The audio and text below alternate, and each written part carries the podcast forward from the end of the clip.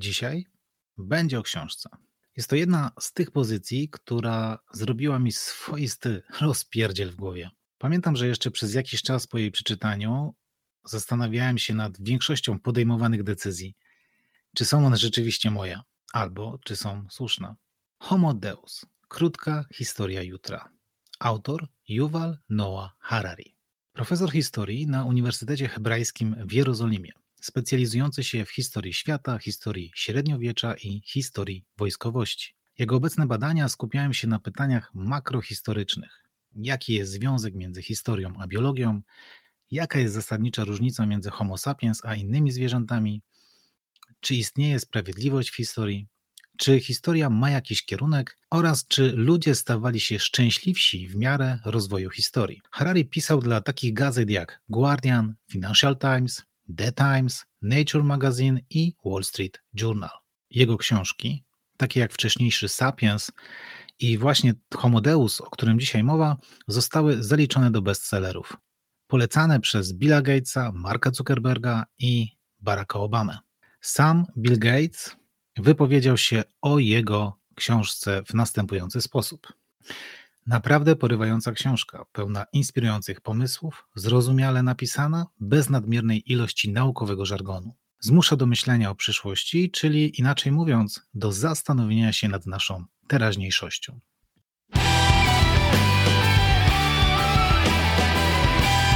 Cześć, tu Wojciech Górek, a to mój podcast. Jak żyć?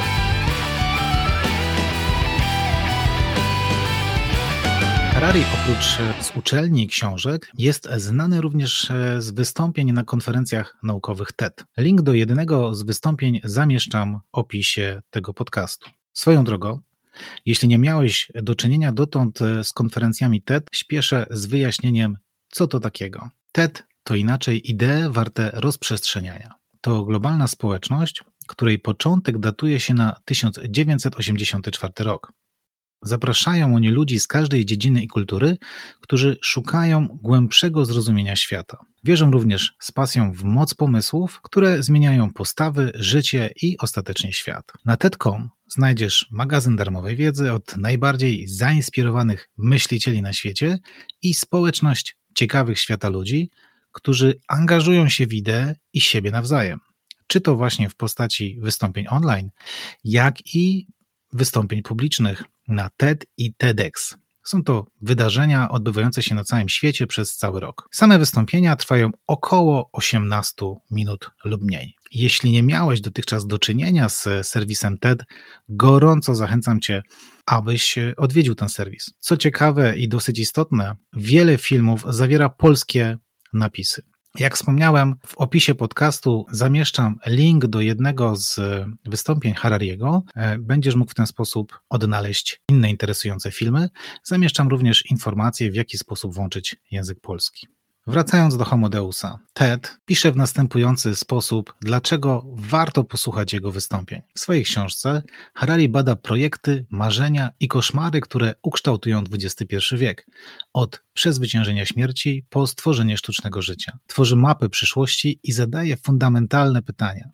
Dokąd zmierzamy? Jak ochronimy ten kruchy świat przed naszymi własnymi niszczycielskimi mocami? Od czasu publikacji w 2016 roku książka sprzedała się w 4 milionach egzemplarzy. Jego poprzednia pozycja, Sapiens, od zwierząt do bogów, sprzedała się w 8 milionach. Film, o którym tutaj mowa, ma 7,5 miliona wyświetleń. Natomiast jeśli chodzi o moją historię dotarcia do tej książki, mm, wyglądała ona następująco. Pod koniec mojego pierwszego kursu medytacyjnego Vipassany co było ponad dwa lata temu, wydawanym przez ośrodek medytacyjny periodyku zwrócił moją uwagę wywiad właśnie z Harari, jako praktykującym Vipassanę i to od ponad 20 lat.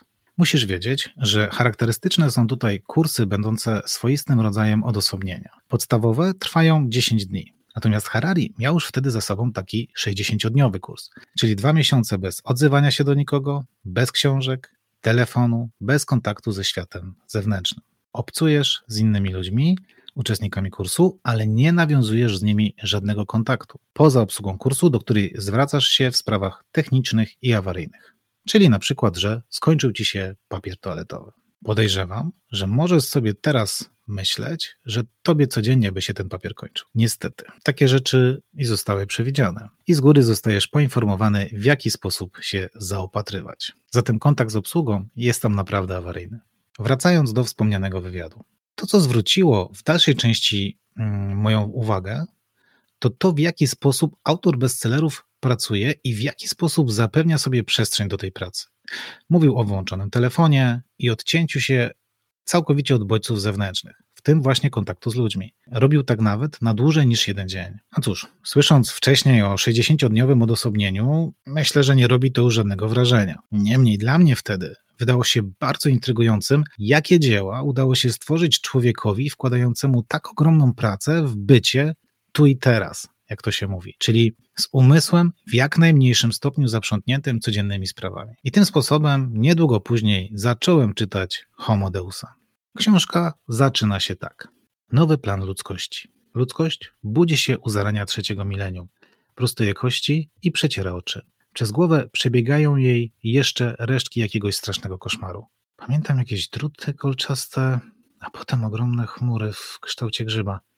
Nie, nie, to tylko zły sen. W łazience ludzkość myje twarz, ogląda w lustrze zmarszczki, później robi kawę i otwiera terminarz. Co też mam dziś w planie? Książka ma aż prawie 550 stron. Na szczęście zapisanych dużymi literami. To, co zwróciło moją uwagę w pierwszej kolejności, to fakt, że posiadasz 30 stron przypisów z odniesieniami do badań. 30 stron. To się nazywa materiał badawczy, pomyślałem wtedy. A moje oczy zapłonęły chciwością chęci poznania zawartości tej księgi. Gdybym miał podsumować, po około dwóch latach od przeczytania jednym zdaniem tę pozycję, powiedziałbym: Dowiesz się z niej, że słuszność podejmowanych przez ciebie wyborów tylko z pozoru jest racjonalna i logiczna. W rzeczywistości to doskonała imaginacja mózgu, która ma na celu sprawić, abyś właśnie dobrze się czuła, podejmując przeróżne decyzje. Ciekawie się czyta, Pozycja, która nie wymaga analizy, bo jest jedną wielką analizą. Jest jednocześnie reproduktorem niekończącej się refleksji wynikającej z trawienia zawartych w niej treści. I tak właśnie jedną z refleksji, do jakiej zachęca mnie autor, to to, co się stanie, kiedy człowiek zacznie tworzyć superludzi, czyli modyfikować odpowiednio kod genetyczny przyszłych ludzi, usuwając wszystkie wadliwe geny, a wstawiając w ich miejsce tylko te, bez wad, służące rozwojowi człowieka, ludzkości, można by powiedzieć te dobre. Pojawiają mi się tutaj dwa obrazy. Pierwszy dzieci na zamówienie, czyli takie, jakie pragniemy. Określony kolor oczu, określony kolor włosów, płeć i oczywiście cechy charakteru. A jest też drugi obraz. Wyobrażam sobie na przykład Einsteina bez wad, tylko z cechami służącymi rozwojowi ludzkości. Cóż, pierwsza myśl, rewelacja. Ale z drugiej strony, czy naprawdę jesteśmy w stanie wyobrazić sobie, jakim tokiem rozumowania będzie się posługiwał taki człowiek? Dalej, co się stanie, kiedy zaczną powstawać superludzie? Autor sugeruje, że może to być towar dostępny tylko dla najbogatszych, co oznacza, że będzie ich mniejszość, a większość pozostanie tam, gdzie jest obecnie. Idąc za tym tokiem rozumowania, wysunął przypuszczenie, że nic nie stoi na przeszkodzie, aby super ludzie zrobili ze zwykłymi ludźmi to, co wcześniej zrobili zwykli ludzie ze zwierzętami, całkowicie je sobie podporządkowując. Dojście do tych wniosków jest bardzo rozbudowane i rozległe, prowadząc przez szereg badań oraz nawiązując do czasów przeszłych. Jednocześnie całość czyta się wyjątkowo lekko, ponieważ jest napisana prostym, łatwo zrozumianym językiem. Porównałbym to do czytania książki sensacyjnej. I to chyba właśnie sprawiło, że pozycja stała się bestsellerem. Czyta się ją naprawdę szybko. Wracając do treści, pada kolejne pytanie: dlaczego ludzie mieliby się zajmować udoskonaleniem siebie? Odpowiedź: bo rozwiązali wszystkie swoje największe dotychczasowe problemy, a były trzy. Pierwszy głód. To, że ktoś teraz głoduje na świecie, wynika tylko z decyzji politycznych a nie zasobów czy braków technologicznych. Większym problemem obecnie staje się otyłość. W 2010 roku z powodu głodu i niedożywienia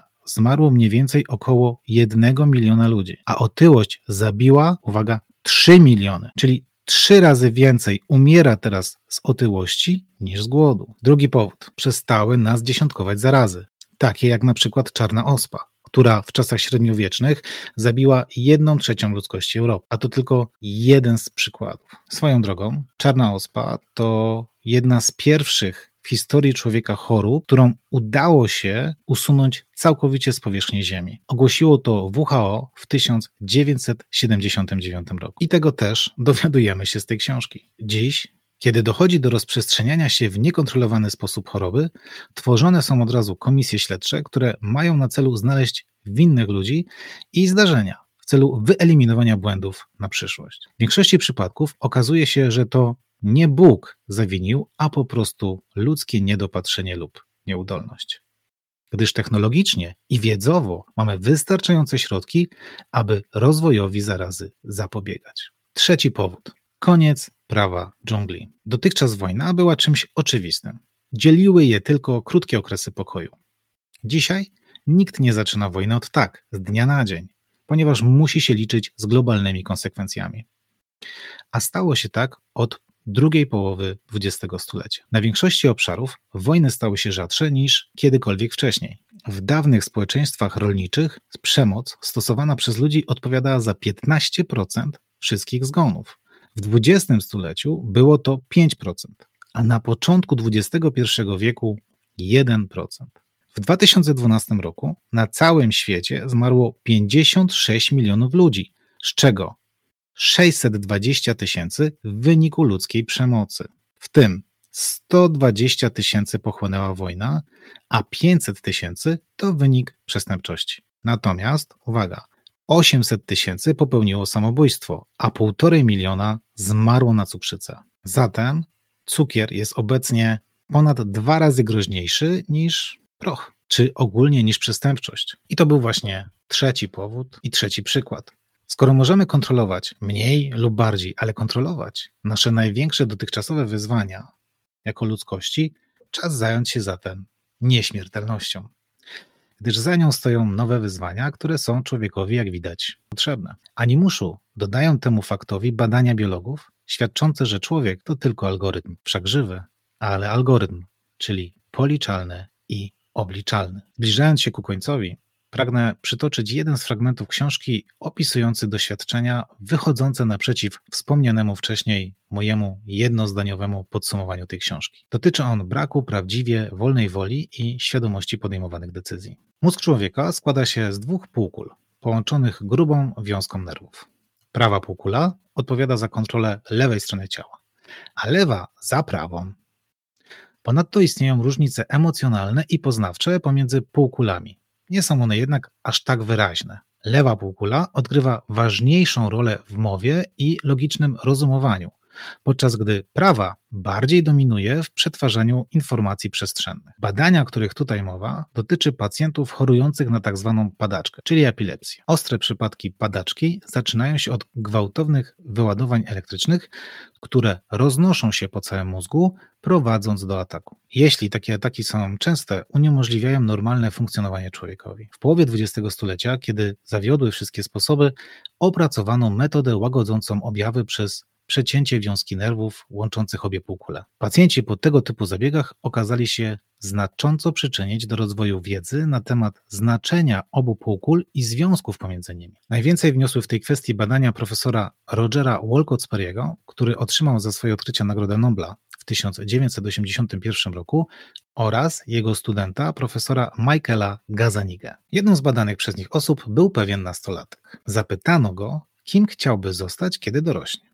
Odpowiedział kreślarzem. Tej odpowiedzi udzieliła jego lewa półkula, odpowiedzialna w dużej mierze za logiczne myślenie i mowę. Chłopak miał jeszcze aktywność środek mowy w prawej półkuli, ale ten nie był w stanie kontrolować języka, ale potrafił się komunikować za pomocą literek na płytkach, takich jak Scrabble. Badacze zadali zatem to samo pytanie prawej półkuli. Pytanie zostało napisane na kartce oraz pokazane lewemu oku, czyli temu połączonemu właśnie z prawą półkulą. Pacjent zaczął szybko układać odpowiedź, która brzmiała: wyścigi samochodowe. I co ty na to? Inny pacjent, weteran II wojny światowej, również przedstawiał ciekawe zachowania. Czasami, kiedy jego prawa ręka sięgała do klamki, żeby je otworzyć, lewa jednocześnie zapobiegała temu ruchowi, próbując je zamknąć. Z kolei w kolejnym eksperymencie Gazaniga i jego zespół pokazali pacjentowi obrazek z kurzą łapą lewej stronie mózgu, tej odpowiedzialnej za mowę, a prawej równocześnie zaśnieżone podwórko, również na obrazku. Następnie pacjent zapytany, co widział, odpowiedział, że kurzą łapę, a dalej pokazano mu szereg obrazków z poleceniem, aby wybrał najbardziej pasujące do tego, co wiedział. Prawa ręka, kontrolowana przez lewą półkulę, pokazała kurzą łapę, a lewa ręka jednocześnie wybrała szuflę do śniegu. Zapytany, dlaczego dokonał takich wyborów, odpowiedział, że kurza łapa kojarzy mu się z kurą, a szufla jest potrzebna do posprzątania kurnika.